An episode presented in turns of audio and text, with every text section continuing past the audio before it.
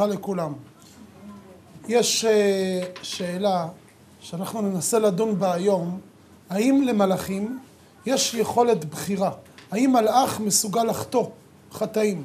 מה מעניין אותנו החטאים של המלאכים?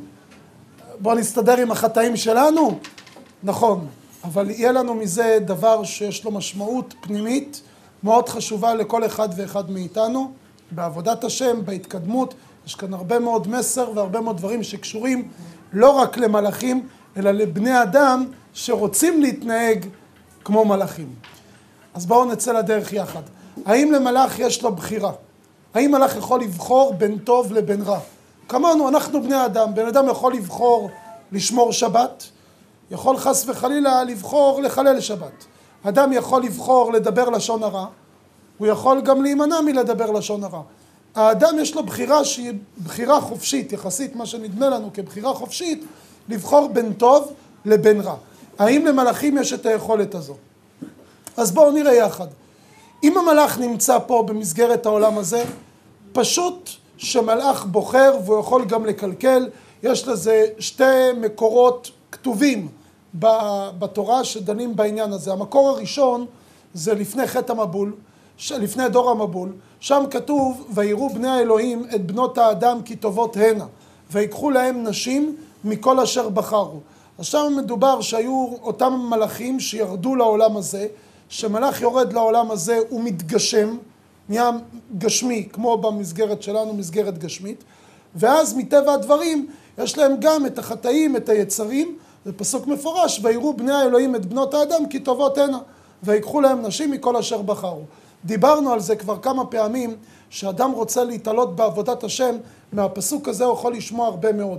המדרש מביא שהייתה, מה זה, בני, שראו בני אלוהים את בנות האדם כי טובות תהנה. המילה טובות כותבים אותה ט' ו' ב' ו' ת'. בספר התורה זה לא כתוב ככה. אם זה יופיע כך בספר התורה, ספר התורה זה פסול, צריך אה, להחזיר אותו לארון הקודש. אלא בספר התורה זה כתוב טובת. כביכול בכל עם חסר, לא כמו שכותבים טובות, כי טובות אין, אז זה היה כתוב במילה טובת, אנחנו קוראים לזה טובות. מה זה טובת? אז אומר המדרש, הייתה נערה, וקראו לה טובת. זה היה השם שלה. כשירדו אותם שני המלאכים, אז הם פנו לאותה הנערה, כמו שהם פנו לבנות האדם, והם ביקשו לחתור. אז אותה נערה לא התמודדה נגדם, אין סיכוי, הם הרבה יותר חזקים, הם הגיעו גם מעולם רוחני. אז היא אמרה להם, רגע, לכל מלאך כמה כנפיים יש לו? כתוב בישעיהו שלכל מלאך יש לו שישה, שש כנפיים. לפני חורבן בית המקדש היו להם שש כנפיים. אחרי חורבן בית המקדש למלאכים יש רק ארבע כנפיים. אז שש כנפיים, שש כנפיים לאחד. היא אמרה להם, למה אתם צריכים כנפיים? אם ירדתם לפה, מה אתם צריכים את הכנפיים שלכם?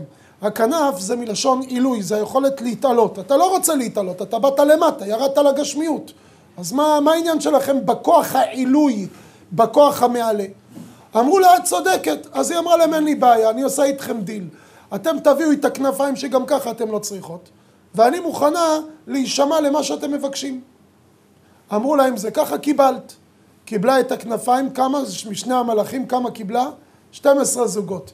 על המקום, פרחה. לקחה את הכוח שלהם, את כוח העילוי שהם לא רצו אותו, שהם זרקו אותו, היא התעלתה במה שהם זרקו. ועלתה תחת כיסא הכבוד. ובאה לבורא עולם ואמרה לו, ריבונו של עולם, הם מלאכים ואני בשר ודם, אני לא רוצה לחטוא. אמר לה הקדוש ברוך הוא, תפילתך נתקבלה. לקח אותה בורא עולם וקבע אותה בגלגל המזלות, אומר המדרש, והיינו מזל בתולה. זה אותו מזל בתולה הידוע שיש לנו בגלגל המזלות. הכוח הזה זה חודש אלול, הכוח הזה זה כוח שאדם יכול להתעלות מעל החומריות. יכול להתעלות מעל הגשמיות. לכן מזל בתולה, כתוב בספר היצירה שזה מכוון כנגד חודש אלול. חודש אלול כידוע זה חודש התשובה, אדם מתעלה מעל עצמו, מתקרב לקראת ראש השנה ויום הכיפורים. למה דווקא שם? בגלל הסיבה הזו, כדי שתהיה את היכולת של העילוי. זה הקטע הראשון שמופיע שמלאכים חטאו. יש עוד מקום שאנחנו רואים מפורש שמלאך ירד לפה וחטא, כאשר באו המלאכים לאברהם אבינו. שאברהם אבינו עשה ברית מילה, ישב כחום היום ביום השלישי, באו מלאכים לבקר אותו, ריפאו אותו. לאחר מכן הם הודיעו לו שהם הולכים משם לסדום. סדום לא באו לרפות, את סדום הלכו להפוך. סדום הייתה אחד מהמקומות היפים ביותר. המדרש כותב על זה נתיב לא ידעו עית. זה היה מקום, בדרך כלל, שיש צמחייה סבוכה, לא רואים את פני הקרקע. העית זה עוף שיש לו יכולת ראייה מאוד חדה. הוא יכול להתרומם לגובה של כמה קילומטרים ולקלוט חרק. חרק הולך, הוא קולט ובצניחה חופשית אחת אין עדיין שום מטוס קרב שמסוגל לעשות את הפעולה הזו. אם הטייס יעשה את זה הוא פשוט יתפרק מעוצמת הג'י שתהיה עליו. פשוט נותן צלילה והופ, תופס את אותו זה. העית יש לו, כוח, כוח הראייה שלו הוא כוח מאוד עוצמתי. בסדום זה היה נתיב לא ידעו עית. העית היה עובר, הכל היה מכוסה בצמחייה כל כך יפה. היה שם גבהים מסוימים, היה את העצים, עצי הדקל הגבוהים, תחתיהם היו עצים אחרים. שבעה מיני עצים שפשוט לא ראו את הקרקע מרוב יופי של פריחה והכל. זה היה נקרא כיכר הירדן כי כולה משקה, זה פסוק מפורש בתורה. ואז אמרו לו, אנחנו הולכים להפוך. כשהם הגיעו לשם, דיברו עם לוט, אמרו לו, תשמע, הולכים להפוך את העיר, תקרא לחתנים לכלות, מי שרוצה שיבוא. ואז הם אמרו לו משפט מאוד מעניין.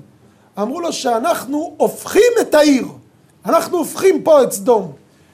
לפי הדרגה של המלאכים זה טיפה, טיפה חטא של גאווה. מה זה אנחנו הופכים? מי זה אנחנו? אנחנו מחליטים, מלאך נקרא מלאך כי הכוונה שליח. זה, זה הביטוי למילה מלאך. מה פירוש המילה מלאך? גם אדם יכול להיות מלאך. איך? אם הוא שליח לדבר מסוים, זה נקרא מלאך. וישלח יעקב מלאכים, במובן הפשטני הוא שלח שליחים. אז מטבע הדברים, שיש כזה דבר, אז המלאך עצמו הוא כביכול שליח. מה אתה אומר כי הופכים אנחנו? לפי דרגתם זה היה טיפה גאווה. טיפה גאווה, המלאך נשאר פה, שני המלאכים נותרו כאן בעולם הזה עד מתי? כמעט 170 שנה נשארו פה בעולם הזה, עד שהגיע יעקב אבינו. ואז הוא חלם את החלום המפורסם סולם יעקב, ושם כתוב בתורה, והנה מלאכי אלוהים עולים ויורדים. זה צריך להיות כתוב בדיוק הפוך. המלאך יורד מלמעלה ועולה מלמטה ללמעלה. לא עולים ויורדים. אנחנו אולי עולים ויורדים. המלאכים הם בשמיים, הם יורדים ועולים. אלא אומר המדרש, אלה אותם המלאכים, קיבלו קרקוע, השביתו אותם פה במסגרת העולם הזה, אמרו אתם אה, חטאתם קצת בגאווה, תשארו כאן למטה, נחליט מתי אנחנו מזמנים אתכם לעלות למעלה. השאלה היא כמובן רבותיי, מה קורה אם הלך פה, אמרנו יש לו את ההתמודדות, תאווה, גאווה, כמו שאנחנו מתמודדים, כמובן יש להם דרגה גבוהה, אבל כמונו שאנחנו מתמודדים ביצרים הללו. מה קורה שמלאכים נמצאים בשמיים? האם מלאך שהוא נמצא בשמיים, האם מלאך כזה יכול להגיע ויכול לחטוא? זו השאלה. מלאכים בשמיים יש להם חטאים? אם יש להם חטאים, מאוד מעניין אותי לדעת מה החטאים שלהם. למה זה כל כך מרתק לדעת מה החטאים של המלאכים? זה לא בשביל האנציקלופדיה. יש לנו, לי ולך, לכל אחד מאיתנו, יש לזה משמעות לעבודת השם שלו. ותכף אנחנו נראה מה המשמעות של עבודת השם. אז בואו נראה יחד, האם מלאך שהוא נמצא בשמיים, האם מלאך כזה יכול לחטוא. יש בספר יחזקאל תיעוד מדהים, ספר יחזקאל בפרק ח'. אני אתן רקע קצר, מה, מה מדובר כאן. ב, אה, הגלות, גלות בבל, חורבן בית המקדש, התבצע בשתי פעימות. פעימה ראשונה הייתה שנבוכדנצר הגיע לירושלים והגלה את כל הקודקודים. הוא הגלה את המלך, קראו לו יהויכין, גלות יחוניה, זה מוזכר אגב במגילת אסתר, שאיש יהודי היה בשושן הבירה, עם הגולה אשר הוגלתה, עם יחוניה אשר הגלה נבוכדנצר מלך בבל. מלך בבל בא לירושלים, הוא אמר, לה, אני, אמר להם אני לא מחריב את ירושלים, אני רוצה רק את כל הקודקודים. זה היה 12 שנים לפני החורבן. 12 שנה לפני החורבן הוא לקח את המלך, לקח את מרדכי היהודי, לקח אה, עשרת אלפים איש שנקראו החרש והמסגר. זה לא מסגריה רבותיי ולא החרש, אותם אלה שעוסקים בברזל, אלא מדובר כאן באנשים שאם הם היו אומרים דין, כולם היו מחרישים. אם הוא היה אומר הלכה מסוימת, הוא היה סוגר את הדין. זאת אומרת, זה כל הפינות. התלמידי חכמים. הוריד את כל הקודקודים, הוא אמר שלא היו פה מנהיגים בעם, אם לא היו מנהיגים לא יהיה כאן מרד. 12 שנה לפני החורבן. זה אגב היה המעמד שבו לקחו את דניאל, חנניה, מישאל ועזריה, אותם הילדים באותה תקופה היו ילדים מזרע המלוכה, שנבוכדנצר מלך בבל הביא אותם לארמון שלו, ועשה להם סדרה של של... שלוש שנות לימודים כדי שהם יעמדו לפניו.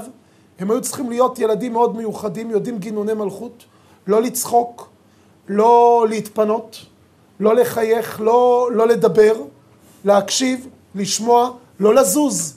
אם יש אה, זבוב או זה, לא להיות ככה קצת לחוצים, לעמוד כמו המשמר המלכה, לעמוד דום, אבל הרבה יותר מזה, בהיכלו של מלך בבל. לכן הם נקראו בשם הסריסים, כי כתוצאה מכך שהם עמדו כל כך הרבה בלי תנועה ובלי יכולת, אה, חוץ מכבודכם, אדם רוצה להתפנות, גם אי אפשר להתפנות, שעות על גבי שעות לעמוד דום, אז זה גרם להם בסופו של דבר שהם הפכו להיות סריסים. לכן הם נקראו בשם סריסים. זה הסיבה שדניאל לא התחתן עם יהודייה, הוא התחתן רק עם גיורת. כיוון שהוא היה סריס, אז הוא לקח גיורת פרסייה, והוא התחתן איתה. הוא לא יכול היה להתחתן עם, אה, עם אשת ישראל. בקיצור, באותו מעמד שלקחו את כולם, הגיעו איתם לבבל, גם יחזקאל הנביא הגיע לבבל. וברגע שהוא הגיע לבבל, מה שאנחנו הולכים כרגע לתאר בפניכם, זה קרה בשנה השישית שהם היו בבבל. זאת אומרת, שש שנים לפני החורבן. זאת אומרת, אם הגלות הייתה 12 שנה לפני, כרגע אנחנו בחצי הזמן, שנה שישית, שש שנים לפני החורבן. שם מספר, דניאל, אה, יחזקאל אומר את העניין הבא, הוא אומר, אני יושב בתוך ביתי, וזקני יהודה יושבים לפניי, ותיפול עליי שם יד אדוני אלוהים. הוא אומר, ברגע הזה אני כביכול אה, מקבל איזושהי השראה של רוח נבואה. כאן הוא מתאר דמות שהגיעה בחזיון הנבואה. הדמות הזו, ויראה הנה דמות כמראה אש, ממראה מותניו ולמטה אש, וממותניו ולמעלה כמראה זוהר, כעין החשמלה. זה הלשון שלו. זה פסוק. הפסוק הזה, כותבים כל הפרשנים במקום, מצודת דוד, רש"י, כולם, שאסור להעמיק בפסוק הזה. אסור להתבונן בו. זה כתוב, אני חושב שזה אולי פעם יחידה בכל התנ"ך שיש כזה ביטוי, לא להתבונן בפסוק הזה ולהעמיק איך המלאך הזה היה נראה מחציו ולמטה אש, מחציו ולמעלה כן זוהר החשמלה. מה זה החשמלה? חש מלמלל. אל תדבר על הנושא הזה. מדובר כאן בדמות רוחנית מאוד מאוד גבוהה. היא לוקחת את יחזקאל שיושב בבבל, בביתו, עם זקני אה, יהודה שיושבים שם, כנראה זה היה איזה שיעור בתוך הבית של יחזקאל הנביא, היא לוקחת אותו בציצית ראשו. זאת אומרת, מרימים אותו מציצית ראשו, זה פעולה שמראה על כעס, חרון אף. למה? כי אם זה באהבה, זה לשאת על כפיים, זה ביטויים אחרים. לקחת בציצית ראשי, זה הכוונה ביטוי שכביכול שלף אותו משם. למה? כי כנראה מידת הדין כאן מאוד מאוד מתוחה, מאוד חזקה. ויביאני במראות אלוהים ירושלימה. אומר הנביא, אני לא הגעתי פיזית לירושלים, המלאך הזה לא לקח אותי לעיר ירושלים בגוף, הגוף נשאר שם, בחזיון הנבואה הוא לקח אותו במראות אלוהים, זאת אומרת הוא הביא אותו לאותה נקודה. מי שרוצה טיפה להבין איך זה במושגים הגשמיים שלנו, זה הרבה יותר מזה, זה הרבה יותר. מי שטיפה רוצה להבין זה מצלמות אבטחה. היום בן אדם יכול לשבת בכל פינה בעולם עם מכשיר בכף יד ולהיכנס למצלמת האבטחה שלו שנמצאת בכל מיני מוקדים בעולם. אני פה, אבל אני יכול עכשיו מהמחשב שלי, אני יכול להתחבר למצלמת אבטחה שנמצאת אה, באורוגוואי לצורך העניין. יש תקשורת, ואני רואה עכשיו באונליין מה קורה שם.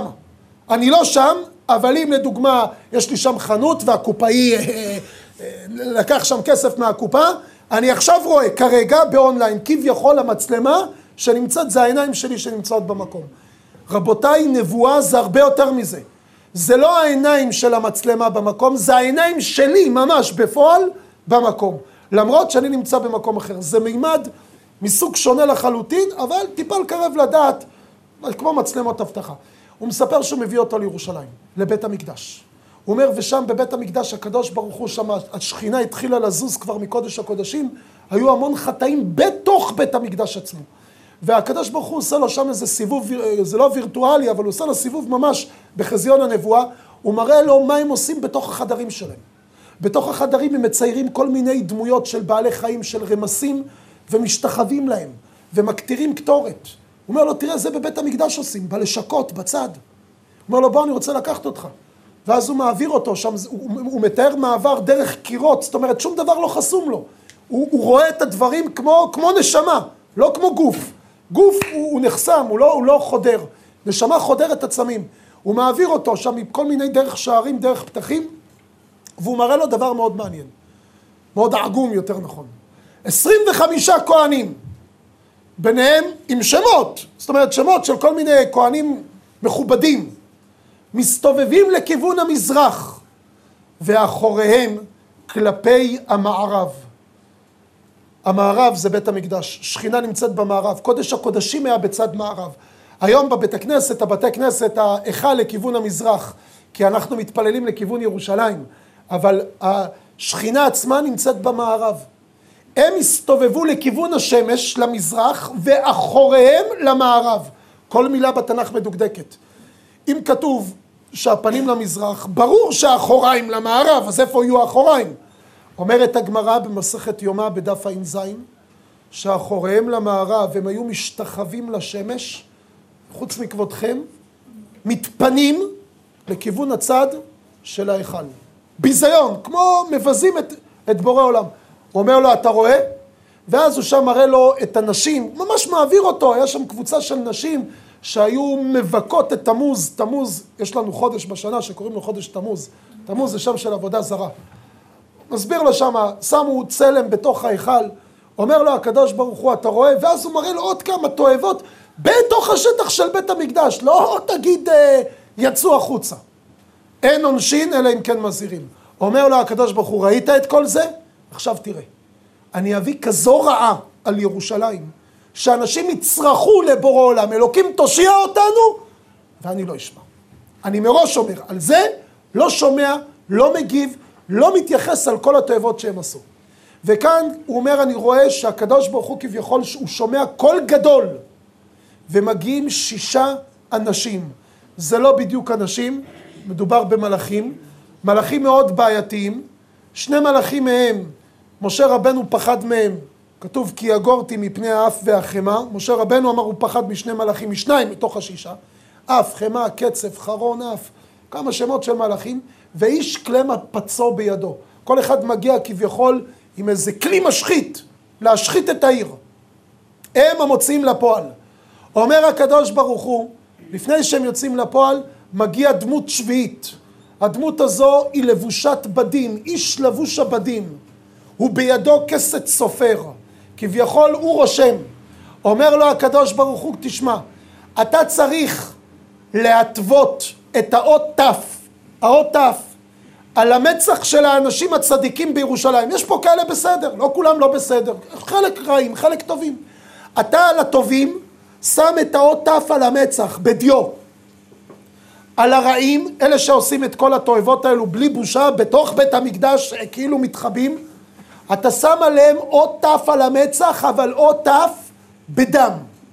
המלאך המשחית, השישייה הזו, שעוד רגע הולכים להוציא את זה לפועל, השישייה הזו מאתרת. אלה שעם דם, ישמידו אותם. אלה שעם האות ת' בדיו, יחיו. למה דווקא את האות ת' לשניהם, דם ודיו? האות ת' יש לה משמעות חיובית ושלילית. תחיה. זה עם דיו, תחיה. אלה שקיבלו את זה בדם, תמות. זה הולך למוות. ואז כתוב שהקדוש ברוך הוא, פה זה דבר מאוד ייחודי. בדרך כלל, שבורא עולם אומר דבר טוב, בחיים לעולם הוא לא חזר בו. לעולם. דברים רעים הוא חוזר, ננבה, נהפכת, דברים רעים הקדוש ברוך הוא חוזר. מדברים טובים שיצא משהו טוב, לא חוזר. המקום היחידי בהיסטוריה שבורא עולם אמר דבר טוב, האות ת', הצדיקים שיחיו, הפעם היחידה בהיסטוריה שהקדוש ברוך הוא משך את הדבר הטוב זה במקום הזה. למה? אז הגמרא במסכת שבת בדף נ"ה מתארת ככה, שמידת הדין אמרה, אה, רגע, רגע, למה הרשעים לא בסדר והצדיקים בסדר? למה אלה ימותו, אלה יחיו? אמר לה הקדוש ברוך הוא, אלה עשו את כל מה שעשו, אלה לא עשו כלום, צדיקים. אמרה מידת הדין, וזה חשוב לנו לדעת. הם צדיקים צדיקים, אבל למה לא היה אכפת להם מהאחים שלהם? למה הם לא דיברו איתם, שיפסיקו, שלא יעשו את הדברים שהם מתנהגים? למה לא עשו סמינר לכל אלה שם שהם מקטירים ועושים את כל הדברים? סמינר לחזרה בתשובה, היו צריכים להוכיח אותם. למה הם לא הוכיחו אותם? אמר להם הקדוש ברוך הוא, אני יודע, אני אומר לכם, גם אם היו מוכיחים, לא עוזר. הם, הם רשעים כבר, איך אומרים? עברו את הקו, זה עברו לנקודת האל חזור, לא היה עוזר. אמרה מידת הדין לבורא עולם, ריבונו של עולם, אתה יודע שזה לא היה עוזר. הם לא יודעים שזה לא היה עוזר. מי גילה להם? הם מבחינתם, יכול להיות שכן, יכול להיות שלא. למה הם התעלמו? זה האחים שלהם. כל ישראל ערבים זה לזה. לכן, אמרה מידת הדין, הם גם חייבים כמו, כמו הרשעים.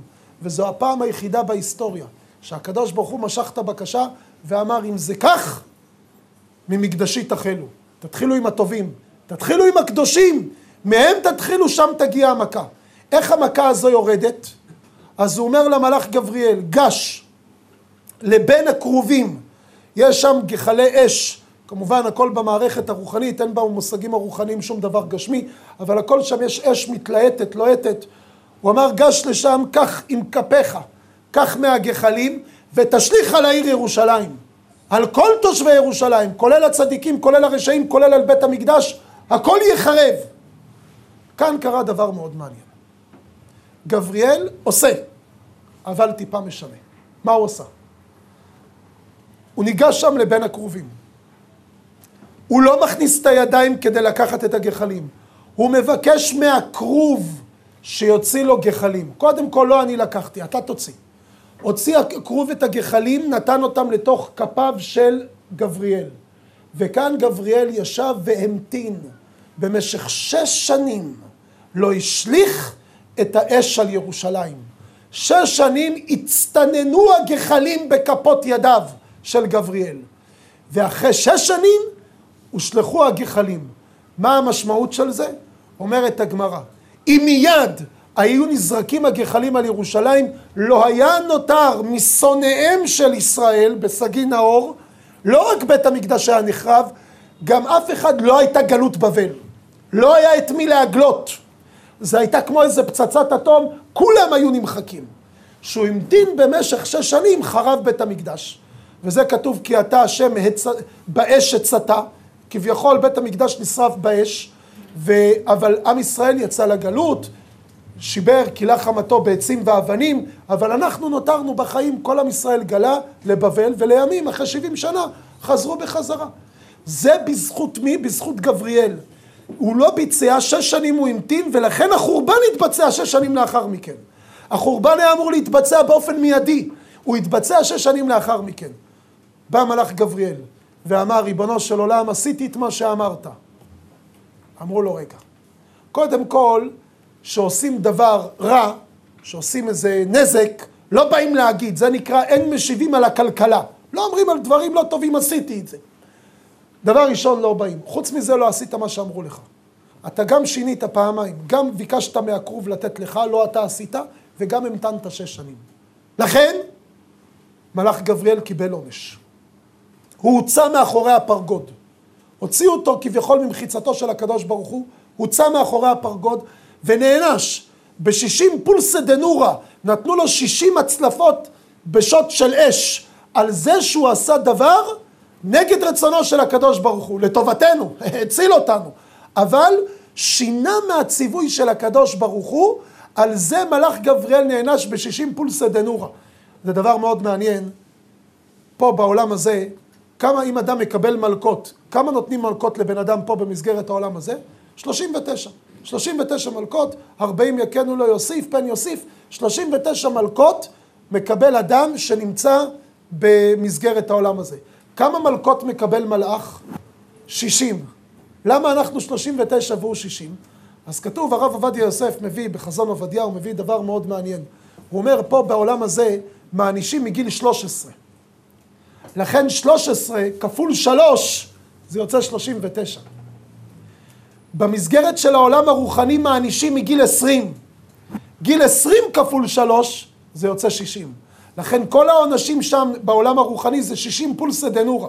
להבדיל פה במסגרת העולם הזה זה 39, לא יותר מ-39. כי פה הענישה מתחילה מגיל צעיר יותר, מגיל 13, אדם מחויב במצוות, יש לו אחריות, הוא בוגר וכולי. זה למעשה עשו למלאך גבריאל. מלאך גבריאל חטא.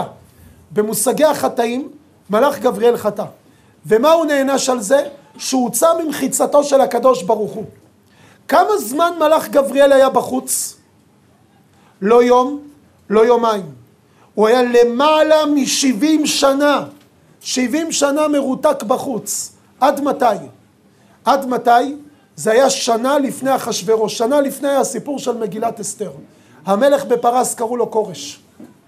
דניאל, 70 שנה, כמו מדברים סיפור, דניאל כבר היה ישיש, באותה תקופה לקחו אותו לבבל היה ילד. עכשיו 70, למעלה מ-70 שנה אחרי, 76 שנה אחרי. דניאל כבר אדם מבוגר, והוא עושה חשבון, הוא אומר, הקדוש ברוך הוא אמר ש-70 שנה תהיה גלות בבל. די, צריכים לחזור הביתה. למה הקדוש ברוך הוא לא מחזיר אותנו? ואז הוא ישב בתענית. ישב והתענה. כמה זמן הוא התענה? 21 יום. יש אומרים 21 שנה, רש"י מביא 21 יום, שלושה שבועים ימים.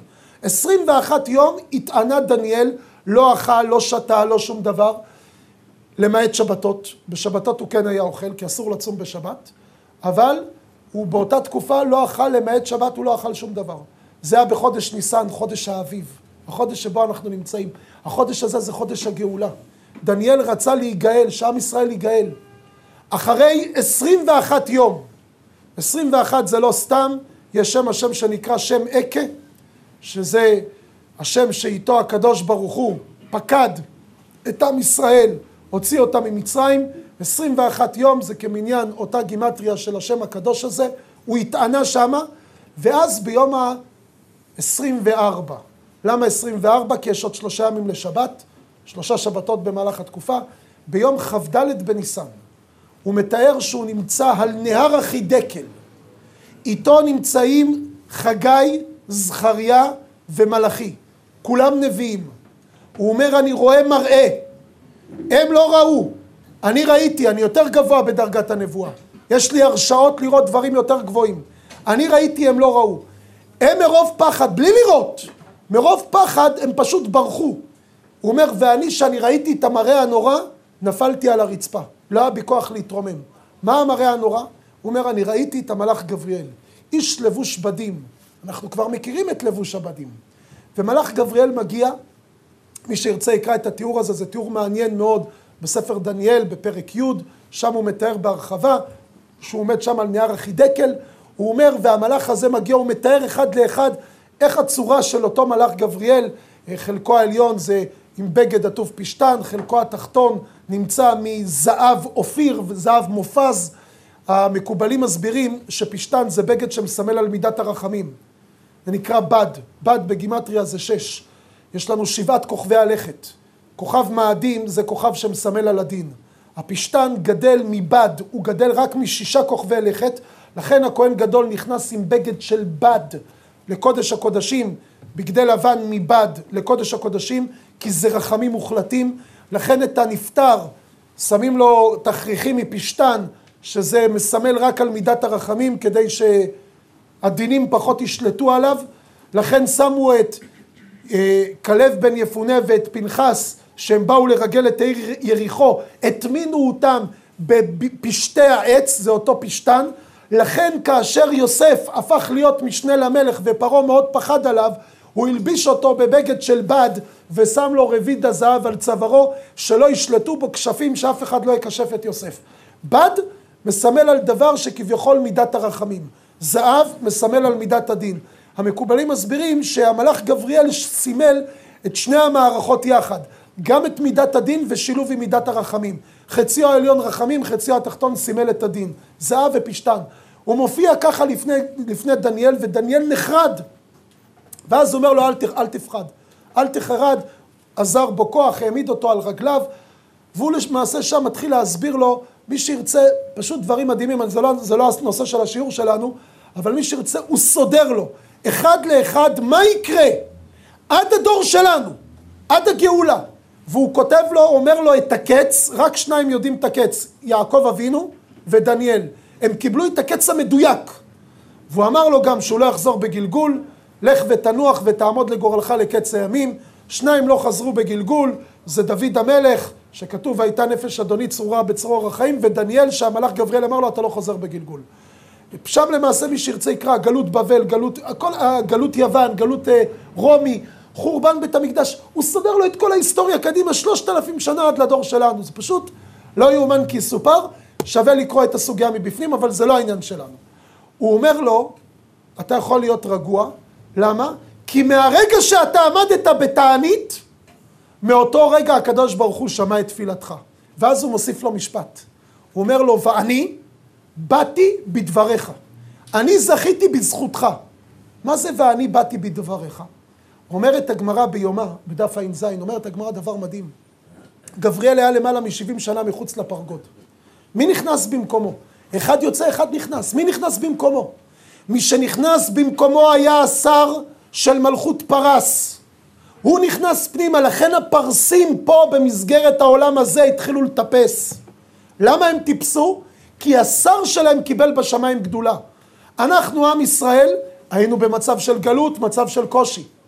השר של פרס נכנס, גבריאל בחוץ מרותק, אין לו את היכולת להיכנס. אפשר לדמות את זה קצת קצת כאילו כמו במסגרות הפוליטיות, יש אופוזיציה, קואליציה, אם אתה יושב על שולחן הממשלה יש לך כוח. אם אתה נמצא בחוץ אתה יכול לצעוק, אבל אין לך את היכולת להשפיע ו- ו- ולהזיז החלטות כבדות משקל. מלכות הדערה, המלכות של העולם הזה כן מלכות הדרכיה. רק ההבדל הוא שפה זה עולם השקר והקומבינות והתככים, ובית הוועד, תקראו מה כתוב בגמרא בסוטה על המצב שיהיה בעקבתא דמשיחא. שמה, זה, התפיסה עצמה היא נכונה, רק שם זה שייך לעולם האמת. שם הכל אמיתי. אם אתה מגיע לך, אתה בפנים. אם לא מגיע לך, עם ישראל חטא, אתה בחוץ.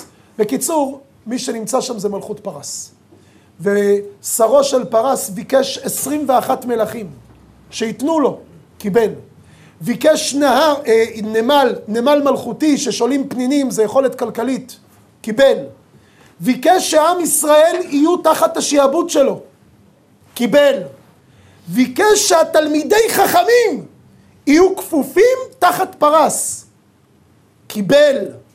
וגבריאל אומר, אני עומד מאחורי הפרגוד ואני שואג, אני אומר, אל תיתנו את עם ישראל מתחת השלטון הזה. אף אחד לא מקשיב לי.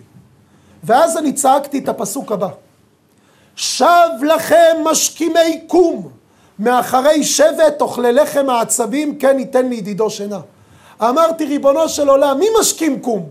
מי נמצא במניינים של הנץ? הגויים? עם ישראל.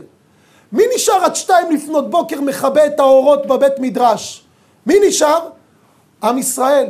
הרב עובדיה יוסף תמיד היה שנים, עד כמעט השנים האחרונות שלו, הוא לא היה הולך לישון לפני השעה שתיים לפנות בוקר.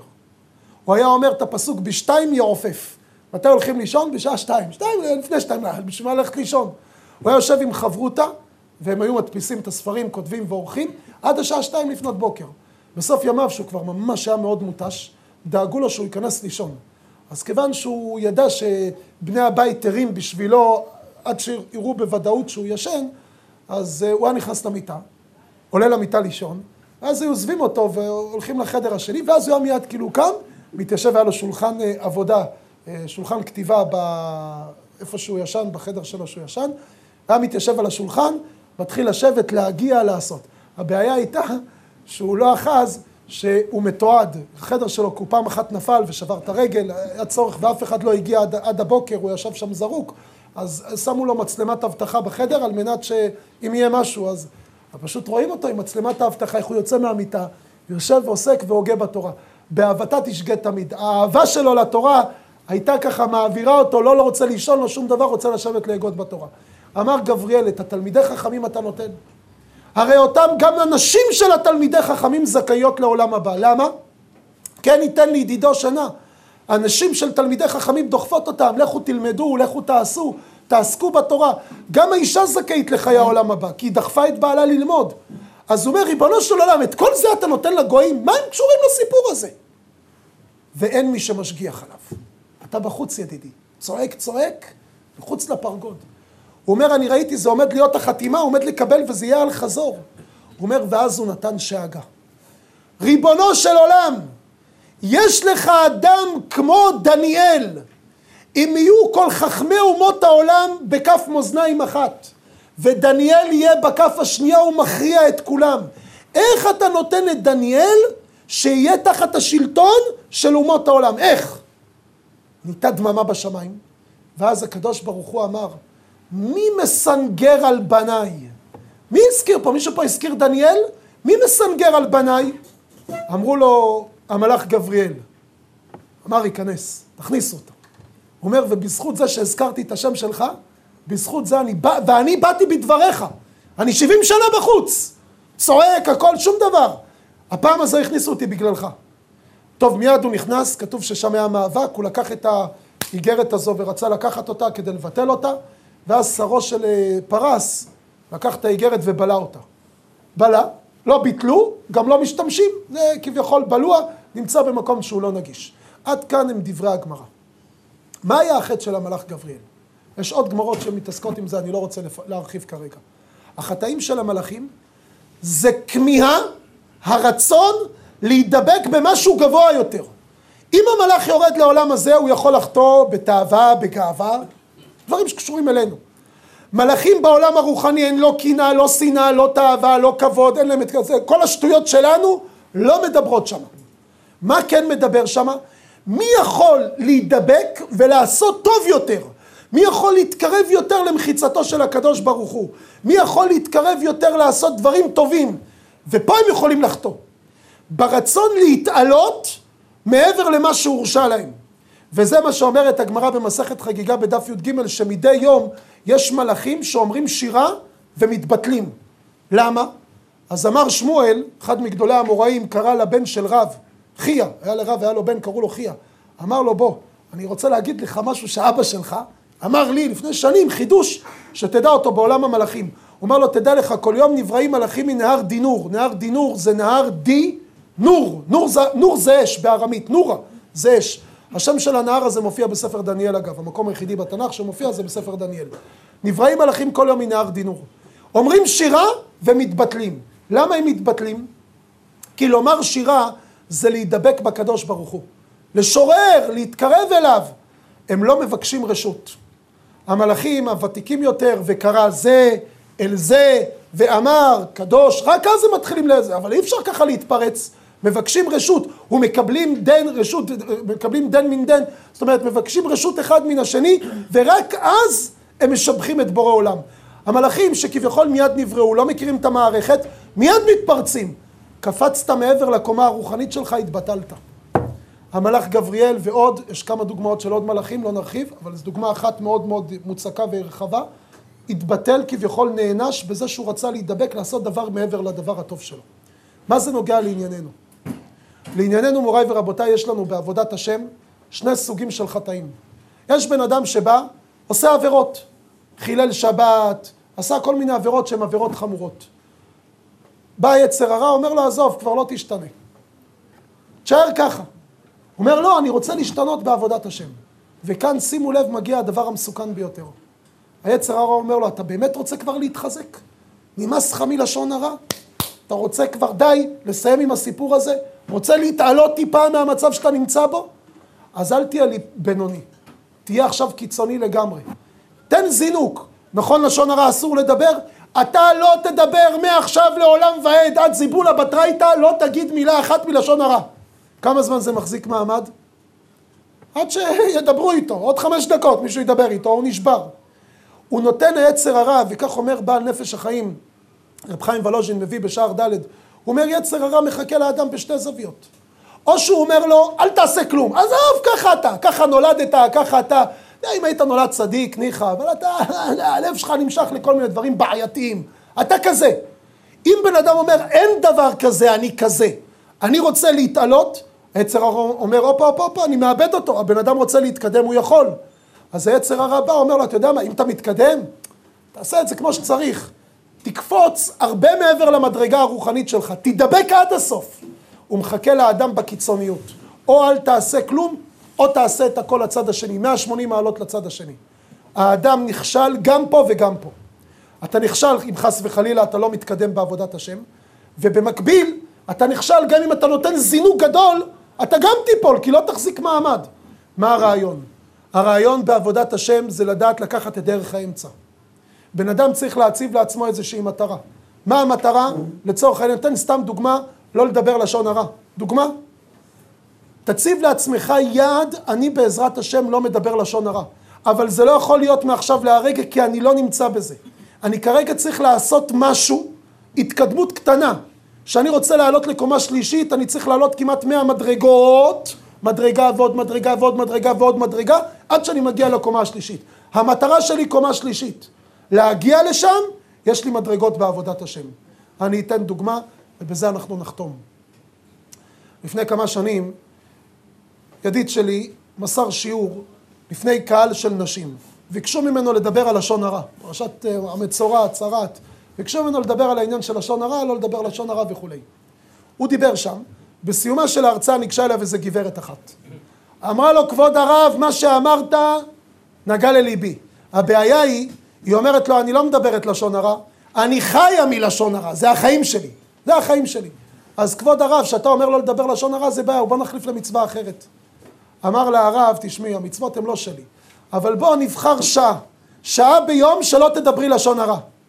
אמר לו כבוד הרב, תלוי איזה שעה, יש שעות חמות, לא כל שעה, מה זה ככה, אם זה שעה ככה שיש בלאגן, אני לא יכולה להתאפק. אז הוא אמר לה, תבחרי שעה שהיא שעה נוחה, 12 בלילה עד אחת לפנות בוקר. היא אמרה לו, בשעות האלה אני ישנה, זה לא חוכמה, שישנים זה לא חוכמה לא לדבר לשון הרע. אמר לה, אם תהיי ערה, את מסוגלת? היא אמרה לו, נראה לי שכן. אם אני אהיה בשתיים, ב-12 עד אחת, אני מסוגלת להתאפק ולא לדבר לשון הרע. הוא אמר לה, שיהיה לך בהצלחה. כשאדם מקבל קבלה, שידע מיד, היצר הרע יגיע שם, הוא לא יוותר לך, הוא לא ייתן לך זה. קיבלה קבלה. היא סיפרה לו, אחרי הוא הגיע לשם אחרי תקופה, היא סיפרה לו, שממש זמן קצר לאחר מכן, שבוע, שבועיים, היה איזה אירוע מחוץ לעיר. היא הייתה צריכה לחזור בחזרה הביתה. ולהגיע עד השעה 12 בלילה, כי היא צריכה גם לספר ולפטפט מה היה, יש שם רכילות אה, טובה, פיקנטית. עכשיו, מה שקרה זה היה פקק בדרך ופאנצ'ר, בקיצור, המון המון עיכובים. היא הגיעה בשעה 12 וחצי הביתה. עכשיו, בעלה היה ער, אומר לה, נו, איך היה, מה היה, מה זה. עכשיו, יש לה, וואו, מה לספר. אבל זה השעה שלה. אז היא אומרת לו, אה, אה, לא, לא, לא מדברת. הוא אומר לה, אה, אני הולך לישון, 12 וחצי. נכנס למיטה נרדם.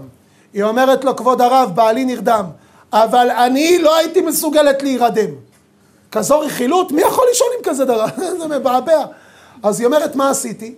המתנתי עד אחת לפנות בוקר, הערתי את בעלי וסיפרתי לו את הסיפור. זהו, עבר השעה, אני יכולה לדבר.